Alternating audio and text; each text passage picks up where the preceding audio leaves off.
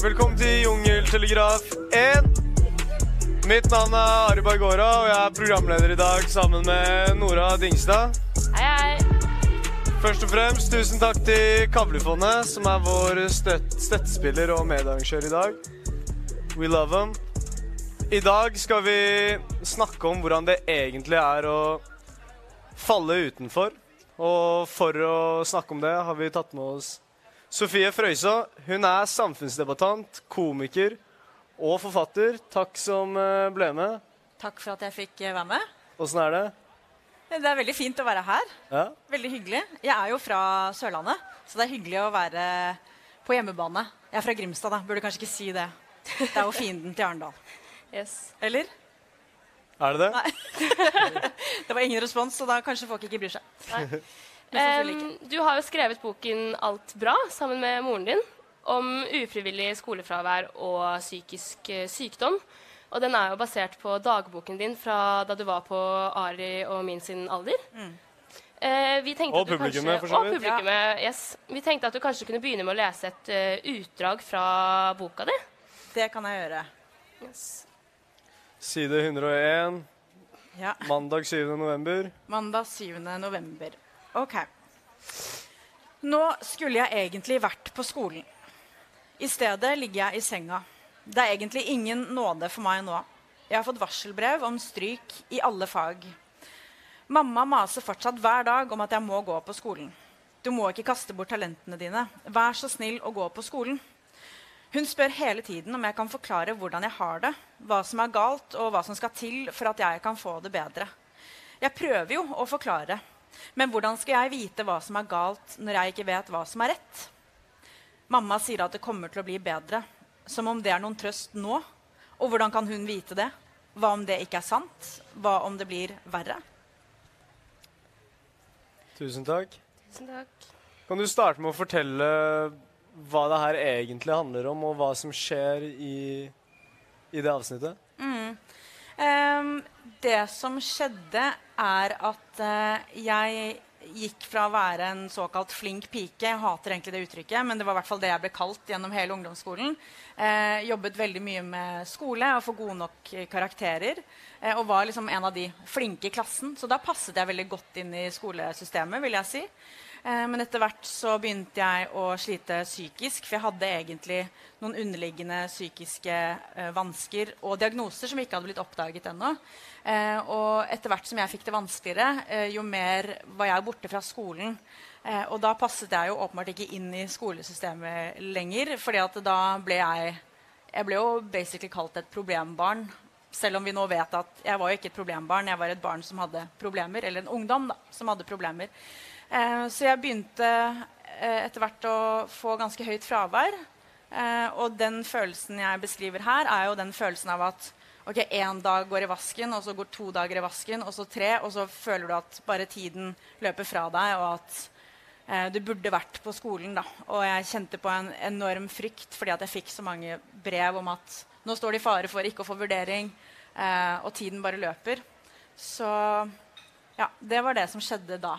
Det tok lang tid før jeg fikk eh, hjelp og fikk påvist eh, riktig diagnose. Eh, ja, jeg følte meg litt sånn som den lyden bak der. Ting gikk i tusen knass. Og dette, Akkurat sånn føltes det faktisk. ja, eh, og dette kaller du jo for ufrivillig skolefravær. ja. Kan du forklare oss hva det er for noe? Ufrivillig skolefravær eh, syns jeg er en ganske dekkende beskrivelse. Fordi media har jeg sett eh, bruker ofte betegnelsen eh, skolevegring. Eh, og det syns jeg er litt misvisende. Eh, jeg ser på det som en form for victim blaming. egentlig, Fordi at du legger eh, ansvaret og fokus på individet heller enn å se på systemet. Da. Hva er det systemet gjør eh, som får som sørger for at elever da ikke klarer å komme seg på skolen. Da. Eh, og da syns jeg ufrivillig skolefravær er mye mer dekkende. Fordi det er nettopp ufrivillig. da. Du har så lyst til å gå på skolen, du har så lyst til å være en del av de andre, du har så lyst til å få det til, men så er det noe som gjør at du ikke får det til. da. Eh, og det sier kanskje mer om systemet. Og når jeg snakker om systemet, så høres det kanskje litt sånn ullent ut. Hva er systemet? Da kan det jo både være noe skolen gjør, eller noe helsevesenet gjør. Og enda lenger opp der så tror jeg det handler om hva politikerne våre gjør. Ikke sant? Nå er vi jo på Arendalsuka, så vi må få snakket litt om det òg. Mm. Um, altså det at man gjerne vil på skolen, men ikke greier det, det gir vel kanskje en føl eh, følelse av å være litt annerledes? Ja. Ja.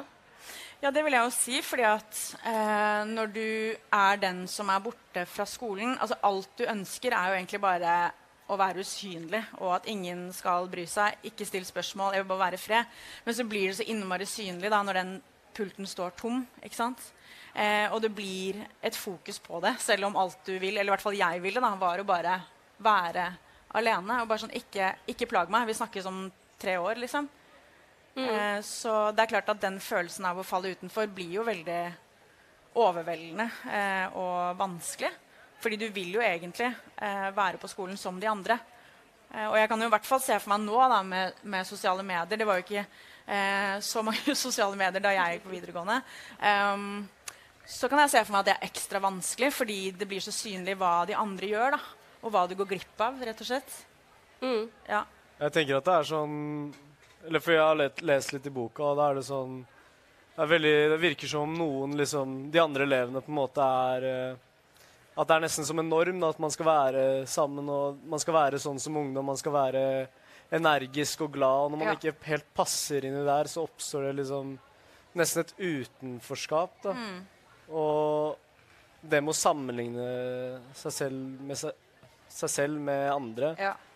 var det, Hadde det noe liksom En part i din historie? Absolutt. Ja. Eh, og det tror jeg ikke vi kommer unna. At eh, uansett alder så tror jeg nok at vi eh, kommer til å sammenligne oss selv med andre. Eh, det er helt naturlig å gjøre. Vi er jo flokkdyr, og vi ønsker å passe inn. Og vi ser rundt oss. Er jeg en del av flokken her? Um, men jeg tror nok at det er ekstra vanskelig i tenårene. Uh, det er det jo, for da er det jo ikke sant? Dere vet jo det. Det er jo den tiden man formes og man skal finne seg sjæl og alt det der. Uh, og det kan være innmari vanskelig. Eh, og så En del av mitt skolefravær eller ufrivillig skolefravær var jo også at jeg opplevde eh, mobbing. da. Eh, og det gjorde det jo selvfølgelig enda vanskeligere. Um, og det har jeg bare lyst til å si nå som jeg husker på det, at når, når det er snakk om mobbing, så er det ofte fokus på liksom, de som mobber, eh, og at eh, de har ansvaret, på en måte. Men sånn, nå når jeg ser tilbake, så vil jeg bare si at jeg syns ikke det vanskeligste, eller det jeg blir mest lei meg for, er ikke de som mobbet meg, for de hadde åpenbart selv ting de strevde med. Eh, det jeg syns er det aller verste å tenke på, er alle som bare så på. Eh, alle medelever, alle passive tilskuere og lærere som bare så på. Og der tenker jeg at vi alle har et kjempeansvar, eller i hvert fall en kjempemulighet til å kunne sette de normene. Da. Hva slags normer ønsker vi å ha? Eh, hvordan angriper vi det? Hvis vi ser at noen blir utsatt for mobbing eller utenforskap, så kan alle gjøre noe. For det er jo faktisk majoriteten som har det ansvaret, og som kan eh, endre den kulturen. da. Så det, det hadde mye å si for meg, at det var veldig mye konfliktskyhet der. Og det var liksom ingen som Ingen som eh, Ja, som blanda seg, liksom. På en positiv måte. Mm. Og jeg kan se for meg det i, sånn i dag. Du, du er litt eldre enn oss. Ja. det er riktig. Men sånn nå, da, med sosiale medier, og når vi har så mange inntrykk liksom tett på oss hele tida, så er det det eneste naturlige å gjøre, er jo å se på det og gå inn i seg sjæl. Vi følger folk vi liker, folk vi ser opp til. Jeg følger ikke noen folk jeg ikke liker, liksom. Så de Nei. folka jeg allerede følger og får content fra, er folk som jeg ser opp til. Og så da er det nok veldig lett for meg da å gå inn i sånn Å ja, men kanskje jeg kan bli litt mer sånn, eller Ja.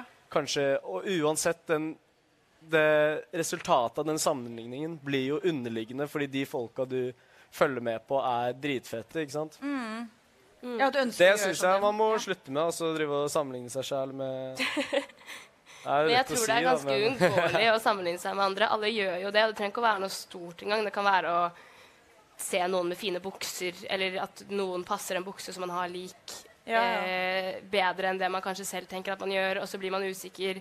Men den usikkerheten, usikkerheten kommer jo gjerne innenfra Mm. fordi man er usikker på noe selv? Eller jeg, det er mer et spørsmål enn en Det er jo sånn man lærer òg. Se for deg når du er liten og du ser på moren din da, og ser hva, hva, hva er det hun gjør, hvordan er det hun åpner døra, hvordan er det hun lager mat. ikke sant? Vi er jo unge, vi skal jo Det er nesten så vi skal sammenligne oss for å kunne bli bedre, ikke sant.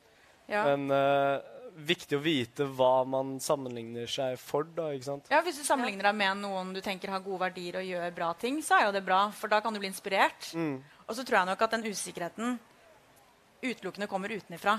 Du tror det? Ja, jeg tror den Ja. er påført. fordi at eh, Hvis vi tenker tilbake til vi var barn da, eh, og var helt fri, eh, og egentlig på vårt beste, spør du meg, så var det jo ingen av oss som hadde komplekser for eh, å f.eks. ha bustete hår, eller hvis man hadde litt sånn sjokoladepålegg rundt munnen, eh, så hadde vi ikke komplekser for det. Da bare levde vi våre beste liv.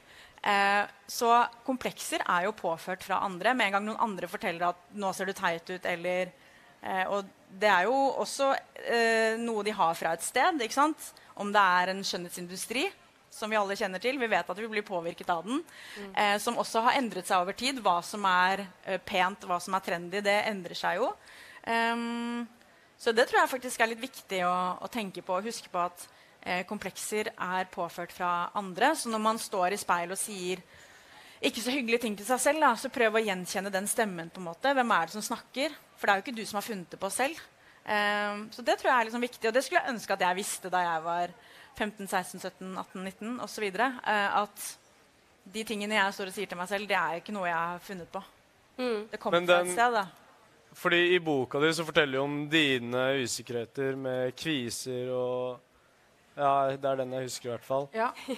Men uh, du hadde jo mye usikkerheter. Mm. Kanskje ennå, jeg vet ikke. Ja, det tror jeg er helt uunngåelig. Men uh, Så, men som ung, da, hvor tror du dine Er det et sånn spesifikt sted du tror den ene usikkerheten kom fra? Eh, altså, du nevnte jo at jeg hadde jo mye kviser i eh, tenårene. Har det fortsatt. ass. Jeg blir aldri kvitt det. Eh, og grunnen til at jeg syns det var veldig vanskelig, er fordi at eh, de bladene jeg leste, eh, der, der var det bare retusjerte bilder. Eh, hvor alle hadde helt sånn marsipanhud. Altså, de bildene av modellene de modellene så ikke sånn ut i virkeligheten. Det er umulig å se sånn ut. Så der ble jeg påvirket av det. Hvor jeg trodde at det var ja, det er sånn man skal se ut, liksom. Eh, og det har jo tatt sinnssykt lang tid før man endelig fikk på plass at man skal faktisk merke retusjert reklame. Det kom da i fjor, liksom. Eh, så jeg ble veldig, veldig påvirket av det. Og jeg tror nok at eh, det er der de kompleksene kom fra. For hadde, det vært helt, hadde jeg sett bilder hvor man har litt forskjellig levende hud, hvor det er både liksom, eh, pigmentflekker, rynker, altså smilerynker, arr, kviser, ting som er helt normalt, så hadde ikke jeg følt på at å nei, jeg burde ha sånn og sånn type hud. Så det er jo bare et skapt ideal. Ja. En annen ting også sånn eh, Du skrev, jeg tror det er i starten av boka, så står det det er vanskelig å vite om, det er, om disse tankene er rett eller feil, når jeg ikke selv vet hva som er rett eller feil. Og så beskriver du denne vonde følelsen du hadde som åtteåring. Ja. Og jeg bare lurte på sånn Når du er ung og føler på liksom de kjipe tingene, at du, du greier ikke helt å beskrive dem, men fordi du ikke helt vet hva de er. Åssen føles det ut, liksom? Ja, det er et godt spørsmål. Det, det, det føles eh, veldig fortvilende og frustrerende. Eh, og jeg tror nok at det er noe av det vanskeligste når du begynner å faktisk eh, slite psykisk, da, er å vite hva som er hva. Eh, og hvis ikke man vet hva man egentlig sliter med, så er det veldig vanskelig å vite hvor man skal starte. sant? Eh, og at det er faktisk et svar når voksne spør sånn, hva er det du tenker på, hva er det du sliter med, og man sier sånn, jeg vet ikke, så er det et reelt svar. Hvordan skal man vite det? Det er jo mye for en 15-16-åring å skulle vite hva er hva. Ikke sant? Det er kjempevanskelig før man får riktig hjelp, da, eller noen å snakke med. Altså, det, det er jo derfor vi må prate sammen og ikke må deale med ting alene. Så er det jo sikkert også ganske vanskelig, da. Og, for det er jo mye tabu med psykisk helse. Det har vært det tidligere. Og Jeg tenker du at det ikke er det lenger? Det er det. det er, jo det, det er jo det, men vi sitter jo her og har publikum og snakker om psykisk helse, liksom. Ja. Det er, Ja, det er bra. Ja da, Så men en det er jo er mye at vi snakk om det, men- sånn er det med alle andre gjør det. ja, men det er det, så at det er på et individuelt nivå, så er det jo ganske vanskelig å gå ut og si hei, jeg tror jeg er schizofren, liksom, hvis du skjønner hva jeg mener. Det, er det, der er det vanskelig å si hei. Ja, når det er seint om natten, så tenker jeg at jeg har selvmordstanker, liksom. ikke sant? De ja. tankene der er vanskelig, og det er det som er greia med de normene da, om at hvordan ungdom skal være. At ungdom skal være positive, de skal være glad, de skal være energiske. De skal gå ut i verden og bare ha det gøy og fint, liksom. At når man helt ikke passer inn i det bildet, så Eller jeg vet ikke, jeg kan se for meg at jeg hadde følt meg Jeg hadde følt meg veldig teit da, hvis jeg satt med kjipe tanker. Det er jo ingen som alltid er glade og energiske, men man skal jo gjerne vise den siden av seg selv når man er med andre, spesielt som ung, for da er man liksom man er, har den the, the time of your life, og du skal bare ha det gøy og leve livet før du blir en kjedelig voksen. på en måte. Ja, men Det er litt Eh, interessant, akkurat det her. Det ja. må jeg bare spørre deg om, fordi at Det virker som dere er enige om at det er på en måte narrativet unge skal leve opp til nå? da, være liksom... Ja, altså selvfølgelig mer Young, liksom, nære free. venner. Ja, young, wild and free. Og man skal jo selvfølgelig med nære venner ha muligheten, og det har jeg også med mine venner, muligheten til å ha det kjipt eller ha det vanskelig. Ja. Men man må, eller jeg i hvert fall, føler på et behov for å være den som er glad, og som heller kan være der for mine venner. At Ja. man kanskje trykker sine egne ting litt ned da, når man er med andre fordi man ikke vil gi det inntrykket til noen. Man vil heller være den som er sprudlende, og som er gøy på fest, eller gøy Ja. å henge med, da, Ja. enn å være den som sliter, liksom. Ja, men det skjønner jeg. Og det tror jeg nok aldri har vært noe kult. Men jeg bare, det slo meg nå når dere snakker om det der å være ung og liksom glad og sprudlende og sånn. Fordi jeg tror eh, av de som er litt eldre her, eh, som står rundt og ser på, så kan jeg se for meg at dere tenker sånn Hva skjedde? Eh, fordi før så eh, i hvert fall har jeg skjønt at eh, det å være ung, da kunne du liksom være opprørsk og være sint, og du skal eh, motsi makta og Stemmer ikke det litt? Jo. Jo, det er veldig bra på lyd, dette her, for de som skal høre podkasten. eller som ikke ser. Eh, så, ja. Men så der har det også skjedd noe. Da, og jeg synes det er interessant med sånn elevundersøkelsen som viser at unge i dag er liksom mer familieorienterte, er mer hjemme, mer eh, eh, fornuftige. Trener mer, drikker mindre. Hva skjedde? Drikker mindre. Eh, akkurat den vet jeg ikke om jeg tror helt på. Nei, kanskje folk lyver da i den undersøkelsen. Jeg vet ikke, men, jeg vet ikke. men det har jo faktisk også blitt De er redd for konsekvensene av å svare. Men er det ikke riktig at det å eh, ta et standpunkt da, med å ikke drikke Jeg opplever at det er eh, kanskje mer innafor nå Kommer selvfølgelig an på hvor du bor, men at det er mer innafor nå enn da jeg gikk videregående. Det Da var det det. veldig nerd eh, å ikke drikke. Altså, det er veldig mye lettere Men du å bli sier jo litt om hvor øh, hvor liksom ordentlig ungdommen har blitt òg. Ja. Når de i en alder av 14 tar et standpunkt at nå skal jeg stå opp klokka fem hver morgen og stikke og trene i tre år øh, de neste tre årene, og jeg skal aldri drikke og skal aldri Det sier jo veldig mye om hvordan ungdom har blitt, at de har Ja. blitt veldig ordentlig. Det akkurat Og hvis du går sånn Hvis du tenker sånn også, så Og det gjør vi jo alle. Vi er jo alle gira på å bli best, liksom. Beste Ja. versjon av oss sjæl. Så overtenker jo Så da overtenker man en del også. Men det er kanskje det som har skjedd, da. Med, fordi før så var det sånn at unge skulle gjøre opprør og ut i gatene og demonstrere og sånn.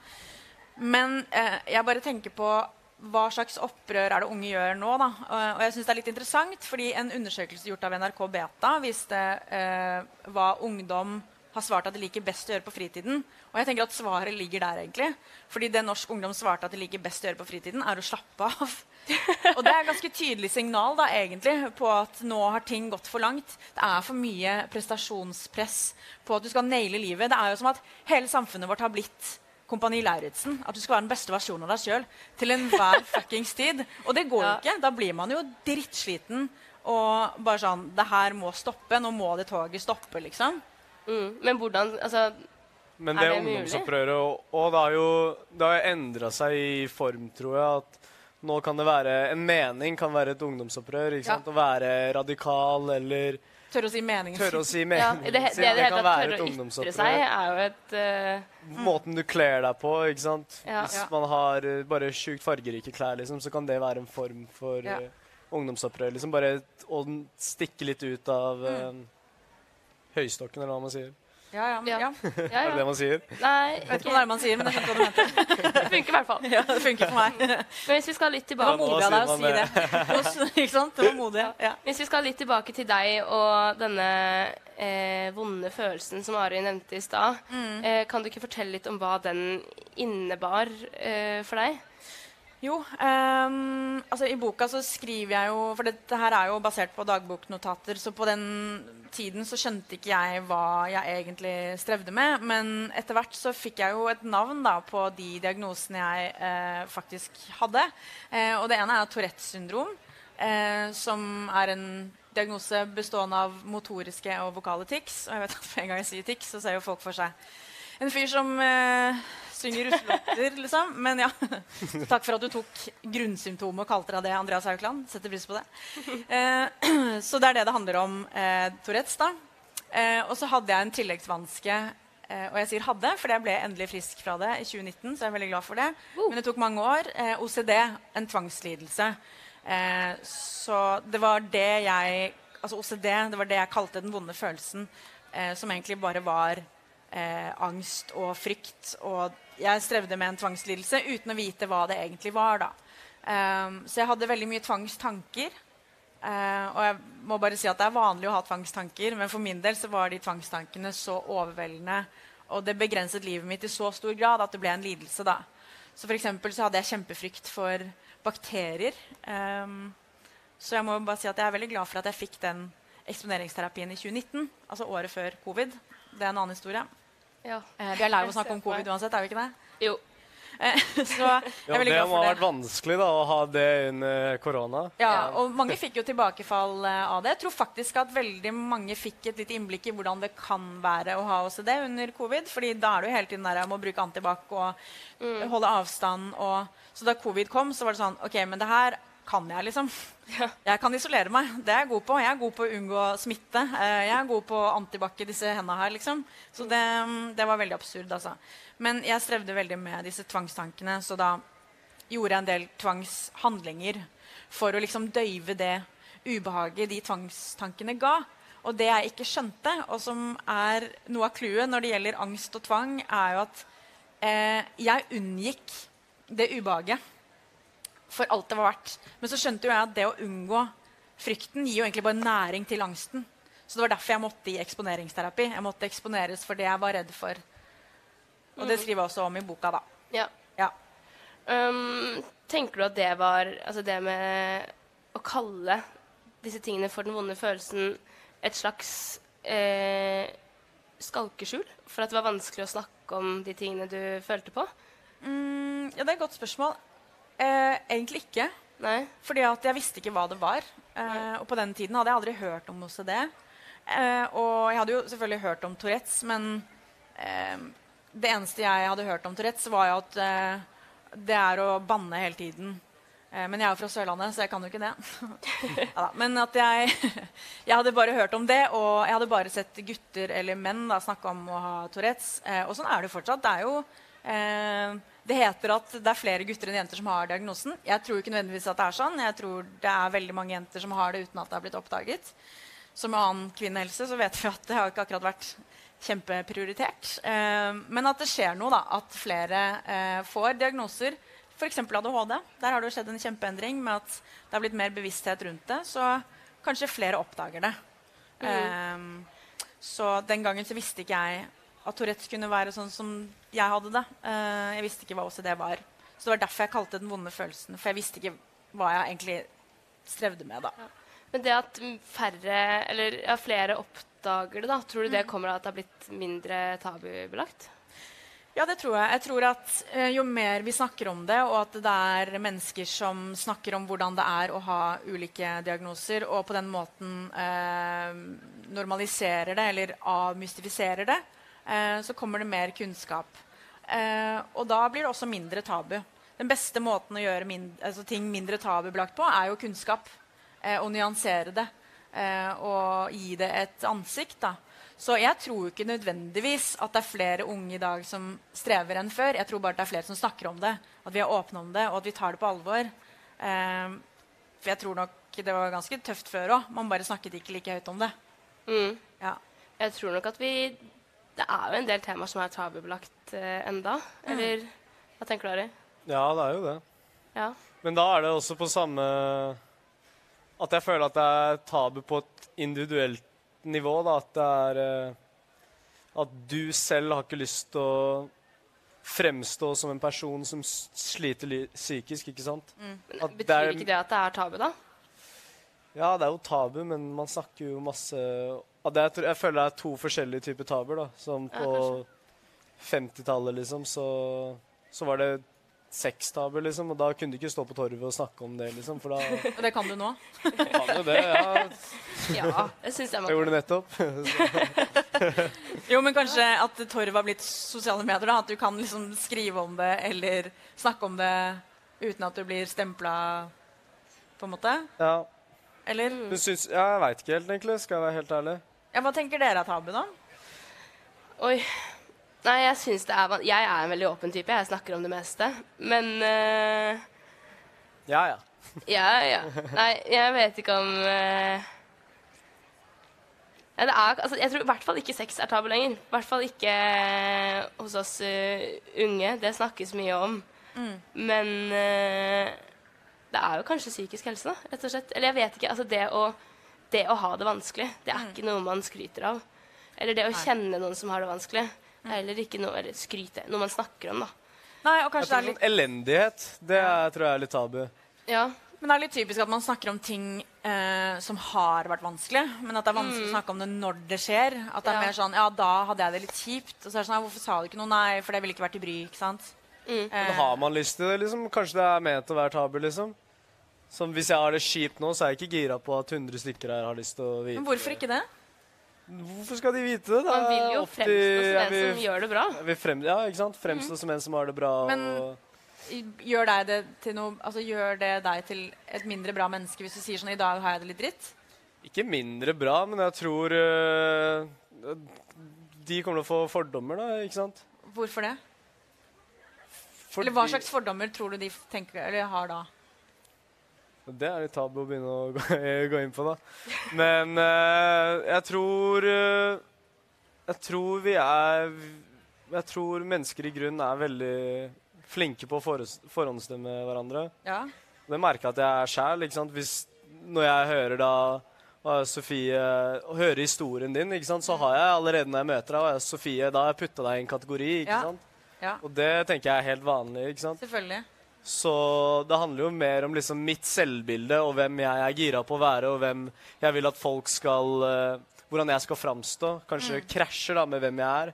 Så da er det jo Det blir jo enten så er det da Ja, mindreverdighetskomplekser, da, blir det basically. Ja, ja. Jeg, har, tror jeg har et nytt tabu, kanskje, Ja. som er vanskelig å snakke om. Men det er jo ikke vanskelig å snakke om. Jo, det er kanskje det. Ja. Men å snakke om hva som er tabu, er litt tabu. Fordi ja. man ingen Altså, alt skal være så åpent. Så ingenting skal være tabu. Og så er det mange ting man ikke snakker om likevel. Mm. Tenker jeg. ja. Ja. Eh, veldig meta. Jeg liker det. Altså, eh, jeg tror nok at det som er tabu, varierer veldig fra person til person og altså, hvor man bor. Det har jo noe å si. Um, og generasjon, ikke minst. Hva som er tabu for dere, er ikke nødvendigvis tabu for eh, eh, de som er eh, foreldrene deres eller besteforeldrene deres, og motsatt. At det vil endre seg. da. Eh, og at jeg tror nok at um, mm, sånn som med sex, der har det jo vært en enorm frigjøring som har ført til at det ikke er like tabu lenger. Men så en, når det gjelder sex, er det jo mye tabu. Det er jo mange eh, underkategorier der. Hvis sex er liksom hovedoverskriften, så er det nok mye eh, som fortsatt er tabu. Alt fra fetisjer til eh, altså, eh, overgrep. Det å snakke om eh, ting som ikke er så hyggelig rundt sex. Eh? Og seksuell helse. Grensesetting. Der er det mange ting som jeg at, opplever at vi ikke har snakket nok om i det hele tatt. Som må snakkes mer om. Ehm, så jeg tror nok det varierer veldig. Eh, Hva, hva ja. tenker du er mest tabu, da? jeg tror det som er mest tabu um, altså, Uten at jeg må utelukke noe annet, da. Men noe av det som er mest tabu, tror jeg er å si at uh, du føler deg ensom. Altså. Uh, for det, det tenker jeg er så Det sitter så dypt i oss, det der å ønske å høre til. Eh, og det å snakke om ensomhet er så innmari sårbart og risikofylt. fordi at du sier jo egentlig at sånn jeg føler meg ikke sett, eller sånn, jeg har ikke nok mennesker rundt meg. Og det å si det høyt til mennesker rundt deg er jo fryktelig sårbart. Men det er også noe av det modigste du kan gjøre. For jeg tror nok at alle mennesker i løpet av livet kommer til å føle på ensomhet på et eller annet vis. Eh, det betyr ikke at du ikke har gode mennesker rundt deg, eller at eh, mennesker er snille. Men jeg tror nok at den følelsen den er i oss alle. Eh, og noen føler mer på det enn andre. Og det er en veldig sånn normal følelse, tror jeg. Men jeg tror nok at det koster mye å si det høyt. Mm. Det er jo Altså, i forhold til mye av det vi har snakket om nå, det å si fra om at har det vanskelig, si, mm. si fra om at han er ensom, så er det jo lett for andre som ikke kjenner på det, mm. å tenke at er det ikke bare å liksom skjerpe seg litt? Er det ja. ikke bare å ta seg sammen, komme seg på skolen, mm. bare sitte i den mattetimen, liksom? Um, og at det blir bedre. Det, blir, det kommer til å gå over, liksom. Mm. Hva tenker du det kan, kan stemme for noen? um, ja, eller hva betyr det å ta seg sammen, da? Ja. Uh, altså Når man har det skikkelig skikkelig dritt, så er det veldig vanskelig å bare ta seg sammen. Uh, og det er typisk at man får sånne råd rundt verdensdagen for psykisk helse. For eksempel, så får man råd om sånn Husk å spise riktig, sove nok, eh, få nok frisk luft, bla, bla, bla. Alt det der. Men det er jo gjerne de tingene som ryker først når man har det vanskelig. Eh, hvis du er deprimert, eksempel, så er det å bare gå ut av senga eh, nesten uoverkommelig. Eh, da er det en bragd bare å faktisk ta seg en dusj. Eh, eller å til og med gå ut av huset er helt sånn Wow, da har du virkelig eh, klart noe bra den dagen. Så kommer det an på sant, hvor vanskelig man har det. Eh, for noen så kan det være kjempevanskelig bare å plukke opp den telefonen og ringe noen. Eh, så der er vi ja, veldig forskjellige, da. Um, men én ting jeg tenker, da at Når man snakker om psykisk helse uh, og det der uh, å ha det vanskelig, så tror jeg det er veldig viktig å huske på at vi trenger ikke å liksom, sykeliggjøre normale følelser. Eh, fordi ja, nå er det flere som er åpne om det å ha det vanskelig, men jeg tror nok en ting vi må huske litt mer på i samfunnet, er å ja, ikke sykeliggjøre helt normale følelser som f.eks. engstelse eller det å være nedstemt eller være nervøs det er helt normalt. Det er en del av livet. Og jeg tror vi nordmenn eh, har hatt en lei tendens til å være redde for vanskelige følelser. Så enten så sykeliggjør det, eller så bare lar vi være å snakke om det. Og det er noe av det dummeste vi kan gjøre, tror jeg. Jeg tror vi må snakke mer om det som er vanskelig, og normalisere at å si sånn jeg, vet, jeg har det litt kjipt, det gjør deg ikke til en svakere person, det gjør deg til et menneske. Det er en del av livet. Og jeg tenker at det er noe av det som gjør det interessant å leve òg. Ja. At man opplever hele spekteret av følelser. Eh, og at det er helt innafor å ha det litt vanskelig. Mm. Og jeg syns det er rart Nå kommer det en liten rant, altså. Men eh, jeg er snart ferdig. Jeg syns det er rart hvordan det fortsatt er ja, kanskje tabu da, å gråte foran andre. Og jeg vet ikke hvor mange ganger jeg har sett folk gråte på TV og få helt noia. og sånn her, nei, jeg skulle ikke gråte på TV. Hvorfor ikke det? det er jo like normalt å gråte eller like naturlig å gråte som å le. Og du sier jo ikke sånn 'Unnskyld, jeg skulle ikke få lættis på TV'. Det er jo fordi det liksom er sårbart, og at du blir eh, litt naken da, når du sitter og gråter. Men det, det, handler, tror jeg, om en frykt for å være sårbar. Frykt for vanskelige, ubehagelige følelser. Men det er jo ikke noe farlig. Ikke sant? Um, så jeg tror nok at vi må snakke litt mer om det som er dritt, og at det er helt, helt normalt. Mm. Hvis vi da skal se enda litt mer på din Men tror du, før du går videre, ja. tror du man bare kan skjerpe seg hvis man har en psykisk lidelse? Nei, det tror jeg ikke. Nei? Jeg tror, Men sånn, tror du det er noen liksom, situasjoner hvor det ikke går an å ha en psykisk lidelse Hvor det ikke går an å liksom, være deprimert? Han uh, han Jonis Josef han var gjest hos oss i går, og han uh, har vært på standup og sånn. og sånt, og Da kødder han mye med at liksom i i Somalia altså, finnes ikke depresjon. Mm. Fordi folk har ikke råd til det, liksom. De, de, du kan ikke være deprimert fordi du må, du må overleve dagen etterpå, liksom. Så har det noe sammenheng med Har vi det for bra i Norge at vi har begynt å gå altfor langt innover i oss sjæl og begynt å leve i fortiden, da, med depresjoner f.eks.? Ja, altså Den vitsen hans er jo også Den gjør jo narr av liksom, influensere som bare 'Å, jeg har så angst'. ikke sant? Eh, og han setter jo på spissen, da. Mm, nå skal ikke jeg uttale meg om hvordan det er med psykiske lidelser i andre land, men, eh, men eh, jeg tror nok at det er jo så Sånn sett er jo jeg og Jonis helt enige. At vi trenger ikke å sykeliggjøre normale følelser. At det kan være en del av livet. på en måte. Eh, men, men eh, ja, jeg tror også det er skummelt at det blir mer og mer fokus på eh, det å være så individualistisk som vi er her i Norge og i Vesten. Eh, så det er ikke noen motsetning til, eh, til at det å prate om ting som er vanskelig, det er også en, altså en viktig ting vi kan gjøre. da. Mm. Men jeg tror nok at hvis du snakker om fra lette til moderate psykiske eh, plager eller psykisk uhelse, så kan man jo jeg vet ikke, Det høres hardt ut å si 'ta deg sammen', da. men der er det jo mange flere tiltak man kan gjøre for å få det litt eh, bedre. Eh, og det er veldig viktig å forebygge, ikke minst. Ja, og da vil vi gjerne høre hva som gjorde det bedre for deg. Var Ja. det noe vendepunkt? Altså, hva, hva skjedde? Eh, vendepunktet for meg var at jeg fikk riktig hjelp. Eh, og at jeg hadde gode mennesker rundt meg. Jeg hadde en lærer på videregående som var helt fantastisk. Og som tok meg på alvor, og som trodde på det jeg sa, og som stilte spørsmål og ble kjent med meg. Eh, og hjalp meg, berga meg gjennom eh, videregående. Eh, som var ja, helt uvurderlig. Hadde nok ikke klart det uten han. Eh, og så at jeg fikk riktig hjelp. Fordi For mitt tilfelle så, så er det jo snakk om diagnoser som Jeg kan ikke bare ta meg sammen når det gjelder Touretten. På en måte, Den er jo medfødt. Og, Ja. og, men jeg kan ta meg sammen. Altså, jeg kan jo jeg, kan, jeg kommer ikke aldri Det til å er vel ikke en bruke det psykisk lidelse, da? er det? ja, da, ja, og jeg kommer aldri til å bruke det som en hvilepute og si sånn her Jeg kan ikke, for jeg har Tourettes. Eh, da må jeg kanskje jobbe litt ekstra hardt da, for å få til ting eller uh, motbevise fordommer der ute. Mm. Uh, men det er klart, hvis du har en litt dårlig dag, så kan det være at du må ta deg sammen. Da må du få litt eh, frisk luft og gå ut og gjøre de tingene.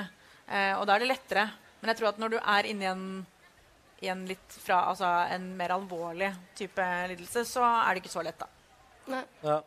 I Jungeltelegrafen så har vi en eh, tidsmaskin som vi liker å plassere gjestene våre i. Ja. Eh, og i den tidsmaskinen så reiser du tilbake og treffer deg selv som 17-18-åring.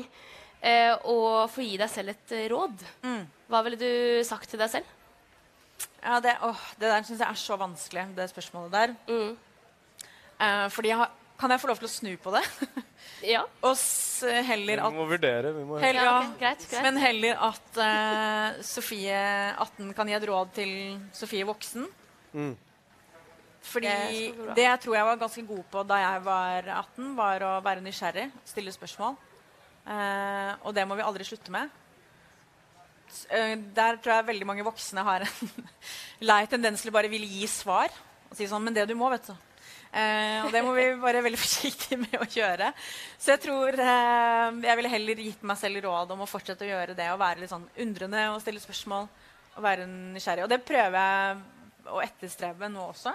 Mm. Eh, men var nok enda bedre på det da. Men med alt du vet nå da, om deg selv og hvordan du fungerer, tror du det hadde vært ett råd du kunne gitt deg sjæl Ja. når du da var 17, som kunne forhindra kanskje Ops. Der, Som kunne forhindra mye av den kjipe psyken du hadde? Mm, nei Det er veldig vanskelig å svare på, fordi det er ikke noe fasitsvar eller noe quick fix. Eller, men jeg tror nok at hvis jeg skulle gitt et råd, eh, så ville det vært å bare um, tro det beste om folk. Tro at de rundt deg vil deg det beste. Eh, og vite at eh, du har mennesker som er glad i deg, og at du Det her er klisjé å si, altså, men det er derfor det er en klisjé. Fordi det er sant, og det er at du er faktisk ikke alene. Det er mennesker, det er alltid noen rundt deg som, som vil at du skal ha det bra. Ehm, og ja, jeg skal vel lese Ja, vi er nødt til å eh, komme oss videre i programmet, for vi begynner å få litt dårlig tid. Ja. Men du skriver en veldig fin oppfordring på slutten av boka di, som vi tenkte vi skulle avslutte med i dag. Ja, og det er egentlig svaret på spørsmålet. Hva slags Ja. råd jeg ville Ja. gitt. Mm. Ja. Takk. Ok, og nå er vi i barndomsuka, så nå kommer det litt politikk. Ok. Da håper jeg at Jonas Gahr Støre er i nærheten. Eh, hvis ikke, så spre ordet. Yes. Kjære deg som er ung og strever med å gå på skolen. Denne boka er til deg. Media kaller det skolevegring. Psykologer og pedagoger bruker ofte begrepet ufrivillig eller alvorlig skolefravær. Jeg mener at det heter systemsvikt. Jeg skulle ønske at jeg kunne kalle inn til et obligatorisk hastemøte på skolen din. De som skulle ha deltatt på dette møtet, i tillegg til deg og dine foresatte, er alle lærerne dine, skoleledelsen, pedagogisk-psykologisk tjeneste, altså PPT, kunnskapsministeren, helseministeren, ja, til og med statsministeren skulle hatt møteplikt. Opplæringsloven sier at alle elever har rett til å ha et trygt og godt skolemiljø som fremmer helse, trivsel og læring. Derfor hadde ikke noen fått lov til å dra hjem fra møtet før de hadde kommet til bunns i hvordan og hvorfor ikke skolen fremmer din helse, din trivsel og din læring godt nok. Og så skulle de ha lagd en forpliktende plan for hvordan skolen skal hjelpe, tilrettelegge og støtte deg, slik at skolen blir et trygt, forutsigbart, rettferdig og godt sted for deg å være. De måtte ha sørget for ekstra oppfølging og tiltak som passer deg og dine behov. De hadde vært nødt til å lytte til de som kjenner deg best, nemlig deg og dine foresatte. Og dersom de ikke lyttet, ikke tok deg på alvor, dersom de hadde vegret seg for å holde seg til denne planen, da skulle skolesystemet og politikerne fått så mange anmerkninger at de strøk i samtlige fag og fikk nedsatt karakter i orden og oppførsel. Da måtte de ha tatt opp fagene på nytt og jobbet hardt for å bedre snittet. Kjære deg som strever med å gå på skolen. Du synes kanskje at det er vanskelig å sette ord på det som er vondt. Kanskje du lukker deg når du har det vanskelig, slik jeg også gjorde. Da håper jeg at skolen lytter til tausheten. Det å ikke si noe er også en tydelig beskjed. Du føler kanskje at du ikke vil være til bry. Det følte i hvert fall jeg. Men nå som jeg har blitt voksen, ser jeg annerledes på det. Er det ikke rart at det å være til bry blir sett på som noe negativt? Jeg kan nemlig ikke tenke meg noe finere enn å bry seg om andre. Jeg skulle ønske at jeg hadde vært mer til bry. Det ble så mye enklere da jeg endelig turte å si det høyt. Hvis du syns det er skummelt å starte samtalen, har jeg et forslag til hvordan du kan gå frem. Hva om du sier 'Jeg syns dette er vanskelig å snakke om, derfor kommer jeg til deg'. Jeg kan garantere deg at den du snakker med, eh, eh, prater med, vil oppleve det som en tillitserklæring. De aller fleste mennesker liker å kunne være en ressurs for andre. Og det som er vondt, blir litt enklere å håndtere når vi deler det med noen. Du skal ikke gå gjennom dette alene. Kjære deg, du fortjener å bli hørt. Du fortjener å bli tatt på alvor. Jeg håper du vil være til bry, for vi er mange som bryr oss. Woo! Takk. Tusen takk til alle dere som uh, kom. Og Takk tusen til deg, Sofie. Takk til, Til dere. Dere skal jo uh, inn i et nytt skoleår. Og da er det viktig å være seg sjæl og gjøre det bra på skolen og være Yes. glad, og, glad i hverandre. Takk for at dere kom. Takk til Arendalsuka Ung, som uh, er en av våre støttespillere, og Kavlifondet. Tusen hjertelig. Vi ses. Lykke til. Og husk å følge Jungeltelegrafen på Instagram.